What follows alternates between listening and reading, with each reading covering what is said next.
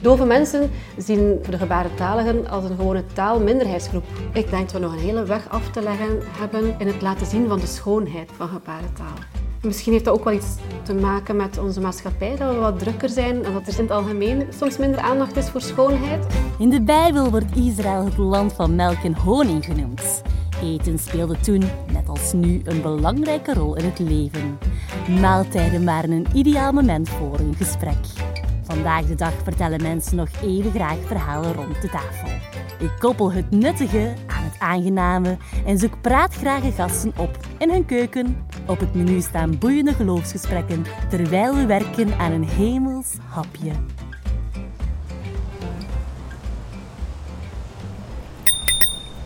Met de fiets ben ik onderweg naar Melle. Hier ben ik uitgenodigd bij Janneke Verduin. Janneke is gebarentolk en zal ons, als ik hopelijk straks aankom, vertellen over de intrigerende wereld van dove mensen. Maar ook over de vooroordelen waarmee doven te maken krijgen. En ik vraag me af of doofheid nu een beperking of een verrijking is. Bovendien, even klimmen hier, bovendien breekt ook de adventsperiode aan. En wat was advent nu ook weer? We zullen het straks allemaal te weten komen.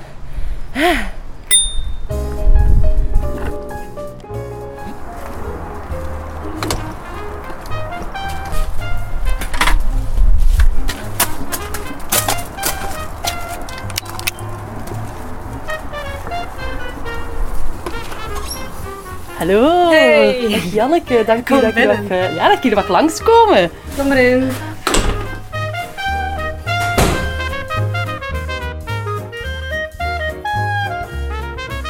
Zo, dan kunnen wij eh, er alvast in vliegen. Hè. Ik stel voor dat we naar de keuken gewoon direct gaan. Ja. Want Janneke, we vieren heel binnenkort Advent. Eh, dus de periode van vier zondagen voor kerstmis. En daarom leek het mij leuk om niet zomaar een, een hapje, maar meer bepaald een adventhapje te maken. En daarvoor had ik mij gebaseerd op een Duits recept, namelijk ziemsterne of kaneelster. Een verwijzing naar de ster die boven eh, de kerststal of de plek waar Jezus dan ook mag geboren zijn, of dat nu een stal was of een grot of wat dan ook, die daarboven bleef stilstaan. Misschien kan jij even het recept erbij halen en de ingrediënten alvast even opsommen. Ja, ik heb eh, amandelen al klaarstaan en poedersuiker. Kaneel zit nog in de schuif, dat moet ik nog even pakken. Ja. Ik heb ook bio-eieren, die zal ik ook vast bijhalen. Zo. En dan juist nog de amaretto en die staat in de berging. Het is eigenlijk een simpel recept met weinig ingrediënten. Ja, Hier de eerste stap, Janneke, eh, die hier staat, is de amandelen fijn malen. ja ik ben mijn blender al aan het pakken.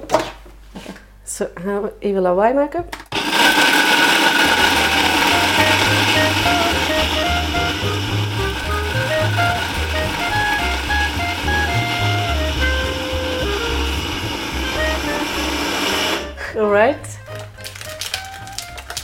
Mag smossen, hè? Jojo. Je hebt vier dochters, hè? Ja, twee eigen kinderen en twee pleegkinderen.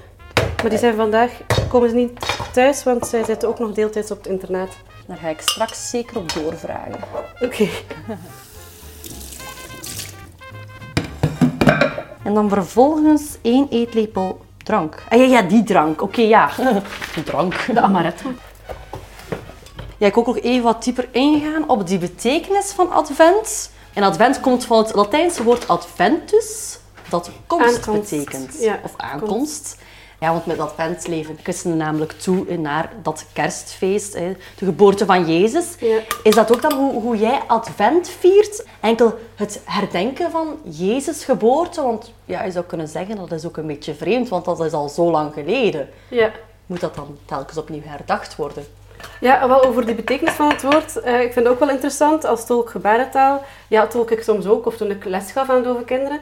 En in het begin dacht ik van, ja, advent, wat past er bij advent? En toen gebaarde ik zo ongeveer de adventskrans, zo die ronde beweging. Maar toen heb ik het ook opgezocht hoe ze het in andere gebarentalen eh, gebaren. En dat heeft ook te maken dan met, het, met de komst, dus met twee vingers die naar je toe komen, zo gezegd. Ja, En dat, eh, ja, nu, nu gebruik ik dat gebaar in gebarentaal voor advent. En ehm, ja, dat betekent deels, denk ik, dat Jezus naar de aarde gekomen is. Maar het is nu ook een uitkijken naar Jezus die terugkomt. En Jezus heeft dan ook beloofd van, maar ik kom ook terug. Nu is er nog een wereld waarin er lijden is en verdriet is. Maar ik beloof dat ik terug zal komen en dat er een nieuwe hemel en een nieuwe aarde zal zijn. Oké, Eh, dus ik denk dat in Advent die twee betekenissen zitten. waarom zou je daar nu naar, naar, naar uitkijken al in deze periode? Waarom moet daar dan gevierd worden, om het zo te zeggen? Die tweede komst dan, die, die terugkomst van Jezus op aarde waarover je spreekt? Ja, ik denk dat we allemaal soms wel eens bezig zijn met zo de existentiële vragen. De vragen van waarom leef ik eigenlijk? Wat, is mijn doel hier? Ik heb ook wel een beetje het gevoel dat die vragen opzij worden geduwd. Dat dat een beetje taboe is. Heel veel dingen die vroeger taboe waren, zijn nu geen taboe meer. Je kunt zo gezegd over alles praten.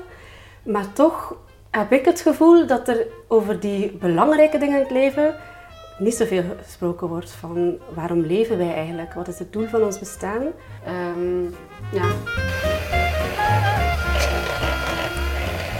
Dus koop het andere eiwit stijf en meng met de overige 125 gram poedersuiker. Ik ga eens kijken van een theelepeltje voor de kaneel. ja. Het is een, een lepeltje van een van jouw dochters, denk ik. Ja. Met een aapje op. Zo. Ik denk als het allemaal is gemengd, dat we het gewoon even kunnen laten rusten, het deeg.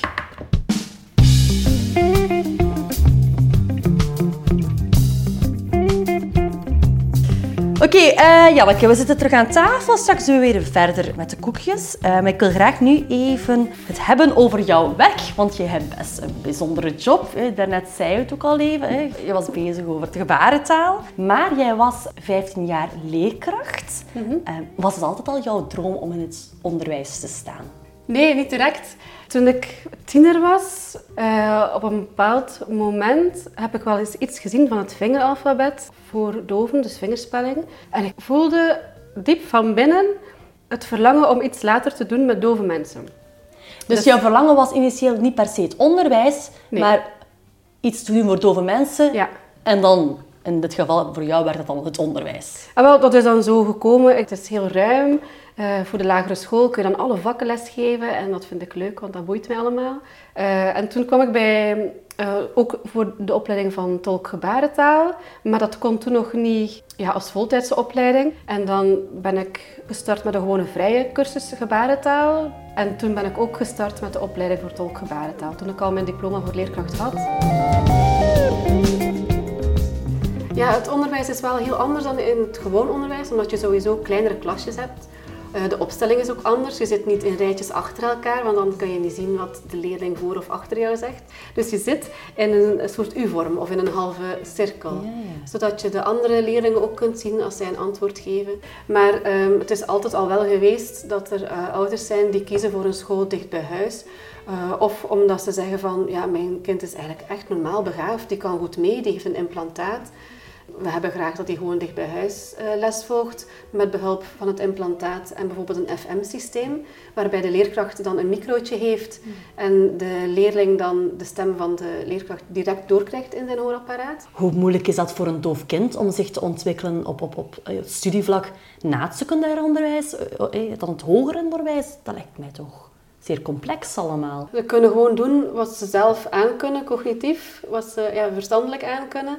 Ehm, en waar ze zin in hebben, net als andere studenten. Dus ik vergis mij daarin als ik zou stellen dat mensen die doof zijn, daardoor ook beperkt worden op in het onderwijs, daardoor vaak een meer technische richting gaan Dat was volgen dan later. inderdaad wel het geval, Ja, hè. ja. Maar dat, ze dat je ziet gelukkig gaat tegenkomen in de hoge richtingen, dat klopt dan nu eigenlijk niet meer. Nee, dan wordt er door de student eh, gekeken voor welke vakken een tolk nodig is, worden tolkaanvragen gedaan. Ja, zit die tolk dan in de aula naast... Ja. Ja, nee, niet naast. Die staat vooraan dan naast, Ja, eh, naast, eh, naast de professor dan. Maar het blijft wel een probleem dat er ehm, te weinig tolken zijn om aan alle vragen van dove tolkgebruikers te voldoen. Hoe was dat voor jou om gebarentaal eh, jezelf aan te leren? Ja, dat is een moeilijke vraag. Het heeft soms denk ik wel een beetje ook te maken met een, een aanleg die je hebt, taalgevoeligheid. En dat heb ik wel geërfd van mijn ouders. Die eh, zijn ook best wel vlot in talen. Maar het komt natuurlijk het manuele bij, dus het Ja. gebruiken van je handen. En gelukkig ben ik niet een heel stijve hark. Ik ben niet goed in dansen, maar met mijn handen lukt het nog wel. Maar je kan het dan echt vergelijken met het, gewoon het aanleren van een andere vreemde taal dan. Ja, het is echt een taal met een eigen grammatica.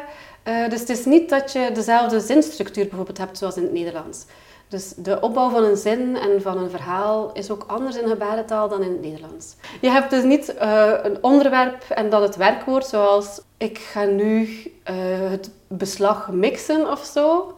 Maar dan heb je de volgorde meer van beslag mixen. Ja, ja eigenlijk het, het, het beperken tot de essentie, want anders ben je heel de tijd gebaar natuurlijk aan het, eh, aan het maken. Het is eigenlijk veel logischer dan gesproken talen. Omdat je inderdaad van die onzinnige woordjes zoals een en het eh, en zo weglaat, die we eigenlijk niet nodig hebben. Werkwoordvervoegingen, in sommige gesproken talen bestaat dat ook niet. Er zijn ook wel binnen Vlaanderen verschillende varianten in gebarentaal. Een heel vaak gestelde vraag is van, ah, is er dan geen universele gebarentaal over heel de wereld? Ja, nee. Net als andere talen ontwikkelt een gebarentaal zich waar mensen communiceren met elkaar, in gesprek gaan met elkaar. En in Vlaanderen is gebarentaal heel lang geen officiële taal geweest.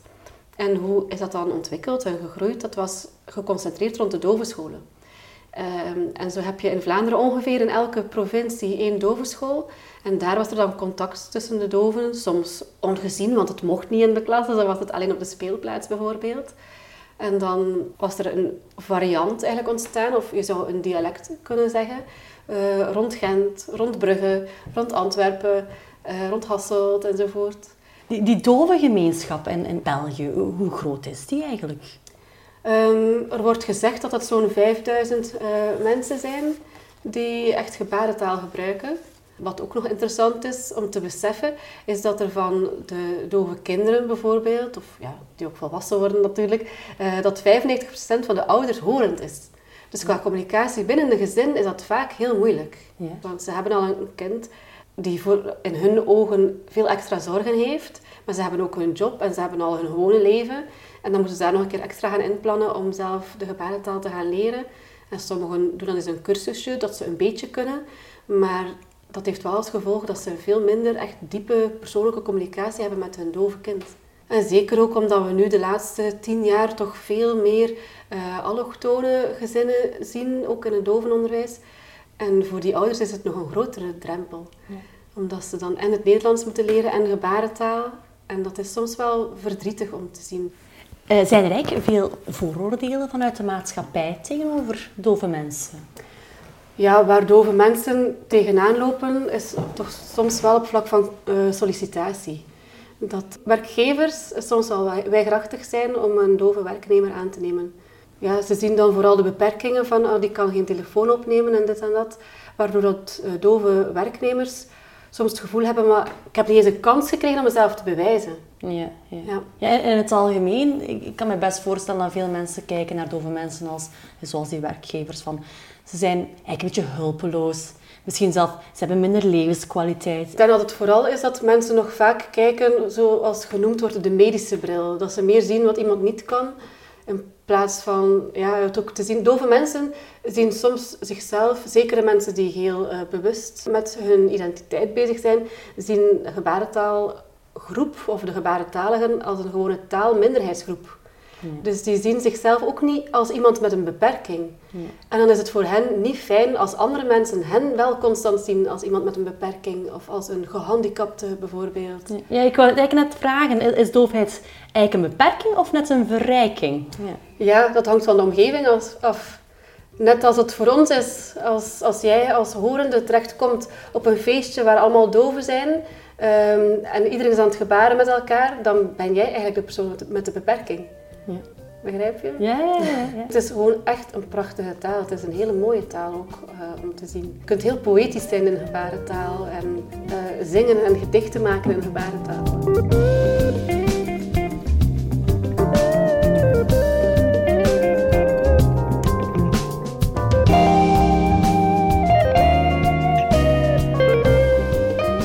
Je hebt twee dove pleegkinderen.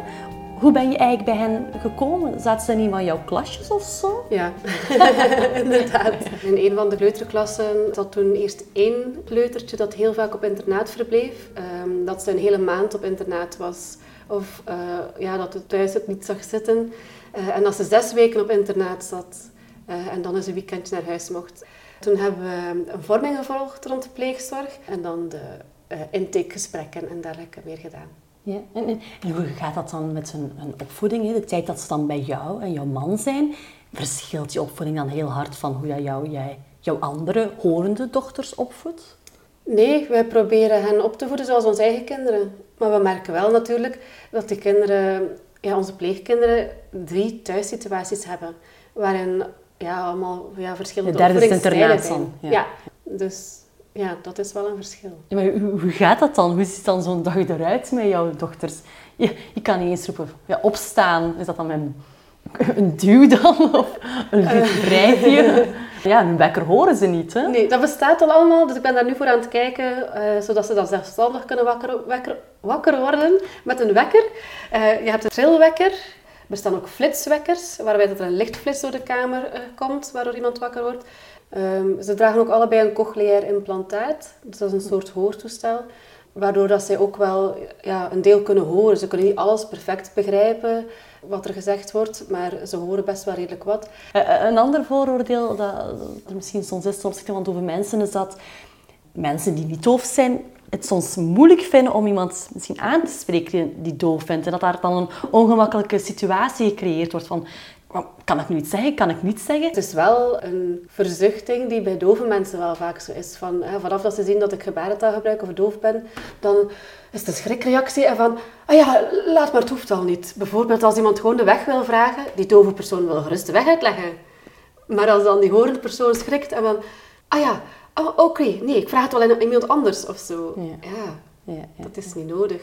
Dat is iets waar ze waarschijnlijk vaak tegenaan lopen, tegenover een, een schrikreactie van anderen dat mensen het blijkbaar eng vinden om ook gewoon op een papiertje of op een smartphone iets te schrijven of te typen van een vraag of een antwoord of zo. Um, ik stel voor dat we toch naar de keuken gaan en uh, onze ziemtsterne koekjes gaan uh, afwerken. Ja. Als ze in de oven kunnen. Het wordt een plakkerige boel. Het staat hier in het recept. Het deeg is erg plakkerig. Dus... Moesten we poedersuiker op het werkblad doen, hè? Dat is mega zoet volgens mij. Och.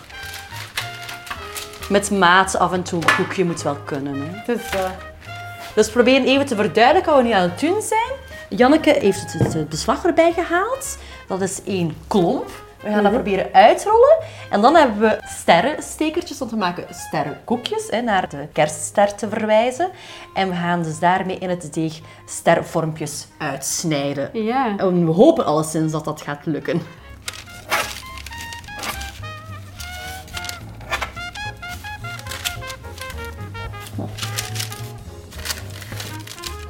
Nee.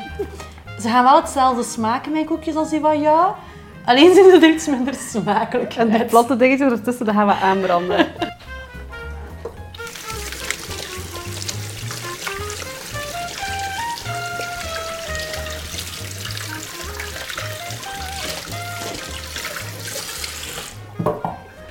Zo, de eerste reeks gaat de oven in. Mmm. Mmm, niet slecht hè? Mm. Heb je een timer? Ja, die staat eraan. Je, had het net al over implantaten bij, bij, jouw, uh, bij jouw twee dochters. Vind je het eigenlijk een, goede zaak dat de wetenschap telkens meer en meer in staat lijkt te zijn om, om doofheid of slechthorendheid uit de wereld te helpen via bijvoorbeeld die implantaten? Of je zou kunnen stellen van, ja, maar eigenlijk zijn we daardoor aan, eh, aan het stigmatiseren dat het iets slechts is. Van hey, mensen die doof zijn, dat is iets dat een probleem we moeten oplossen. Terwijl dat eigenlijk ook een mooie wereld lijkt te zijn, hoor ik volgens jou. Ja, dat is een hele interessante discussie die erover gaande is. Ik denk dat het uh, vooral heel belangrijk is, zoals bij alle mensen, om mensen te bevestigen in hun identiteit. Um, en dat het belangrijk is om ook aan dove kinderen en volwassenen door te geven van gebarentaal is een mooie taal. En het is helemaal oké dat je doof bent. En um, De andere kant van het verhaal is dan wel weer dat het ook fijn is dat mensen die doof zijn ook kunnen kiezen welke manier van communiceren ze gebruiken, welke communicatievorm. Uh, en daarom denk ik dat het toch wel fijn is dat ze en gebarentaal leren en mogen gebruiken en dat het ook gezien wordt als een volwaardige taal. Dat het ook meer en meer op televisie komt, bijvoorbeeld in het nieuws en in andere programma's. Maar voor dove mensen is het ook wel fijn, ook al zijn ze heel trots op hun gebarentaal en hun uh, identiteit, soms is het ook wel gemakkelijk om eventjes zonder een tolk die moet helpen, iets te kunnen zeggen tegen een collega. Ook al zijn het die heel diepgaande gesprekken. Maar als je dan met behulp van een implantaat wel het grootste deel van een korte boodschap begrijpt en zelf een beetje kunt spreken of het opschrijven of het typen, dat helpt ook wel weer in het gewone persoonlijke alledaagse contact met collega's of met uh, de bakker of de slager of wat dan ook. Uh, ik ken ook een aantal dove mensen die heel bewust de keuze maken om geen apparaten te dragen, omdat het voor hen te veel lawaai is. Het hangt ook echt af van persoon tot persoon. Als ik jou begrijp, hoeft het niet per se. Ze moeten zelf die keuze kunnen maken, bijvoorbeeld inderdaad op bepaalde mensen kan ik gebruik maken van dat implantaat om beter te horen. Maar vind je dan dat er ook dan te weinig gesensibiliseerd wordt over die, die mooie kant? Want je haalde daarnet mm ouders aan die horend zijn, die vaak, eh, of kinderen die vaak doof zijn, uit een gezin komen met ouders die wel horen, dat dat heel veel zorgen geeft. Mm En misschien die ouders heel snel overgaan over ja, medische vooruitgang. Yes, we hebben een implantaat, ons kind kan terug horen. Terwijl ze misschien te weinig worden gesensibiliseerd of gevoelig gemaakt aan, aan die mooie kant, dat het niet per se iets is dat heel veel zorgen ja. met zich moet meedragen. Dat denk ik inderdaad ook. Uh, je hebt dan de praktische kant van als uh, een dove leerling in het middelbaar of in het hoger onderwijs uh, ervoor kiest om geen implantaat te gebruiken, om volledig doof te zijn en gebruik te maken van een tolkgebarentaal. Dan heb je dat praktische dus, van dat die tolk dan geregeld wordt. en daar is ook ja, informatie over nodig, van wat er allemaal is aan, aan opties. Maar zoals je zegt, ehm, denk ik dat we nog een hele weg af te leggen hebben Ehm, zeker ook in Vlaanderen, in het laten zien van de schoonheid van gebarentaal.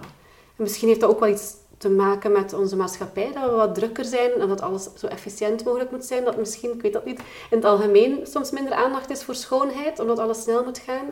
En dat het wel fijn zou zijn als we een soort teruggaande beweging uh, zouden maken naar meer appreciëren van allerlei kunstvormen. Van beeldende kunst, van muziek, eh, dat cultuur weer een mooie plaats krijgt in de maatschappij. En gebarentaal ook. Ja. En met zo'n implantaat dan, um, horen ze dan hetzelfde als ik? Nee, het blijft vervormd. Uh, bij de meeste dove mensen ja, is het gedeelte in de hersenen oké, de gehoorzenuw is oké, en is het gewoon het middenoor dat overgeslagen wordt door dat cochleair implantaat. Ja. En die lost dat dan op, dat implantaat. Ja, ja dus de geluidsgolven worden opgevangen door het microfoontje, dat wordt op, omgezet dan in elektrische uh, impulsen en magnetische impulsen. En zo gaat het van de binnenkant van de magneet, die aan de buitenkant is op het hoofd plakt, op de schedel. En er is ook een magneet die in uh, de schedel is ja, ingewerkt, of een beetje gefreesd. Klinkt een beetje eng, er is een klein stukje schedel weggehaald, waar de magneet dan in zit. En dan loopt er een draadje naar het slakkenhuis, waardoor verschillende frequenties worden gestimuleerd. Maar ik verbaas mij er soms over dat onze pleegkindjes met elkaar praten terwijl er eentje op het eerste verdiep is en eentje beneden onderaan de trap staat en die begrijpen elkaar. Ja, nog even over jouw pleegkinderen. Eh, als we denken aan pleegkinderen, denken we direct ook aan eh, getraumatiseerde kinderen. Hoe, hoe was dat bij mhm. jouw twee ja, nieuwe dochters? Ja, pleegzorg of pleegkinderen, dat zijn inderdaad wel altijd kinderen die iets meegemaakt hebben. Ja, je merkt dan nog steeds uh, dat er angsten zijn. Dat ze bang zijn voor van alles en nog wat. Bang om iets verkeerd te doen. Bang om te falen. Ook op schoolsvlak merk je dat. De, de leerkrachten merken dat ook. De gekwetstheid van binnen, van ehm, zo vaak niet naar huis te kunnen gaan en de teleurstelling van weer op internaat moeten blijven, dat heeft echt wel wat beschadigd.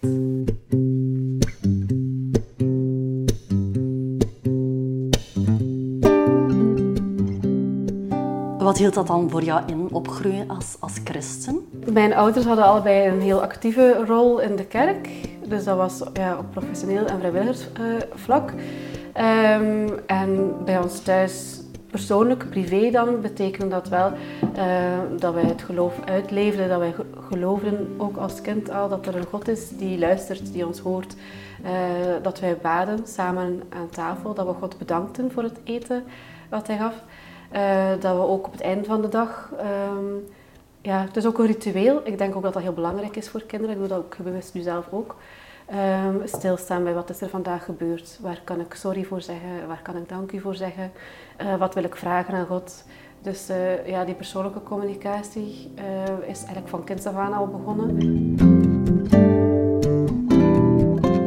Ja, mijn geloof is wel heel veel gegroeid en uitgebreid. het was vroeger veel meer in mijn hoofd. Ik ben nogal een studerend en analytisch type wat dat betreft. Uh, en ik vind het ook uh, heel erg fijn om zo een blok te hebben van een uur of twee uur om in de Bijbel en in andere boeken te lezen. Dat boeit me heel erg. Um, maar ik heb wel vaak beseft van dat het een geloof is in mijn hoofd. Uh, en dat ik wel um, het gevoel had van, maar ik mis iets, want ik geloof wel dat er meer is. Er moet ook iets zijn in je hart en iets persoonlijk. Van, ja, maar die God die vroeger sprak, wat je van kunt lezen in de Bijbel, die spreekt vandaag nog steeds. En dat heeft een klein beetje geduurd voordat ik echt had aanvaarde van, ah ja, maar die spreekt niet alleen tegen een paar mensen die een belangrijke rol hebben in de kerk, of niet alleen tegen leiding, maar God wil ook aan mij dingen vertellen en die vertelt ook al dingen aan mij, maar ik merk dat niet altijd op.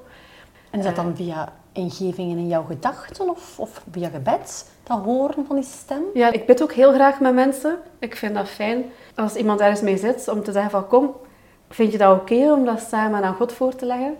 Uh, dat is meestal wel bij mensen die ook geloven. Um, en dan gebeurt het wel regelmatig dat ik inderdaad in mijn gedachten een, een lied of een bijbeltekst... Um, maar er was een keer dat ik aan het fietsen was. Dat was in de adventsperiode. En ik was op mijn fiets zo aan het bidden en met God aan het praten. Uh, ook over advent en over kerst. En dat is een van de enige keren in mijn leven dat ik echt precies een antwoord heb gekregen van God. En ik heb er een liedje over gemaakt. het is niet professioneel, maar ik wil het wel een beetje zingen uh, voor jullie. Ik kom terug, zei hij. Ik kom terug. Ik kom terug, zei hij. Voor jou. Ik kom terug, zei hij. Ik kom terug, ik kom terug, zei hij. Voor jou. Ik zal je licht zijn, ik zal je liefde zijn, ik zal je vrede zijn, ik zal bij je zijn. Ik kom terug zei hij. Ik kom terug, ik kom terug, zei hij. Voor altijd bij je zijn. Dankjewel, Janneke. ik wist niet meer alles hoe het ging, maar dat was het ongeveer. Dat was een heel duidelijke boodschap van God toen ik op mijn fiets zat. Dat God zei, ik kom terug. En precies de boodschap van Advent. Echt gebeurd. Ja, en dan, dan, moet je dan ook direct neerschrijven, zoiets. Ja, ja anders vergeet ik het. Dus soms ben ik dan op de fiets aan het zingen. Uh, en dan doe ik eventjes record op de fiets als ik zo'n liedje in mijn gedachten krijg. En dan neem ik het op terwijl ik aan het fietsen ben. Of ik stop even aan de kant van de weg. Kijken dan mensen vreemd als ze passeren op de fiets naast jou? Uh, mensen lachen heel vaak. Want ik zing echt heel veel op de fiets. En dan ja, kijken ze een keer op, lachen ze een keer en dan doen ze weer verder met uitpakken van de auto op de oprit of zo.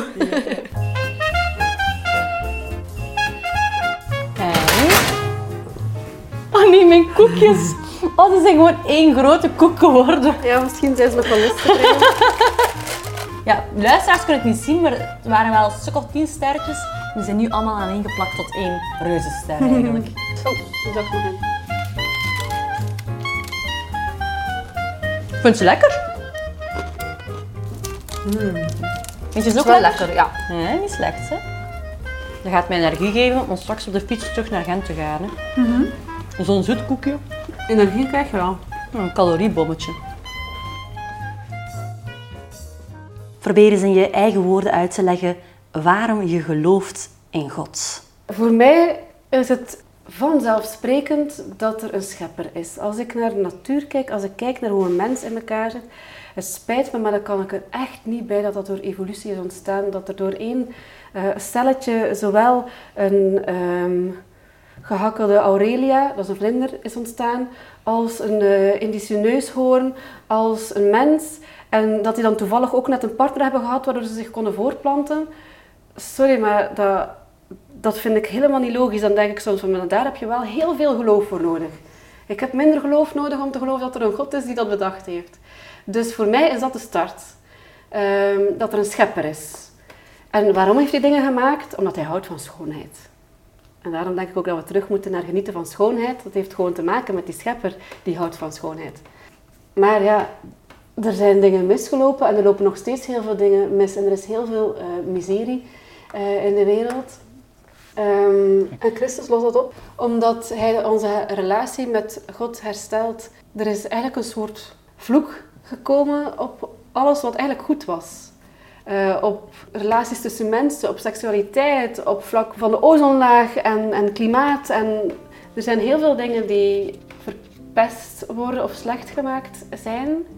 En er was er maar één die dat kon goedmaken en dat was God zelf.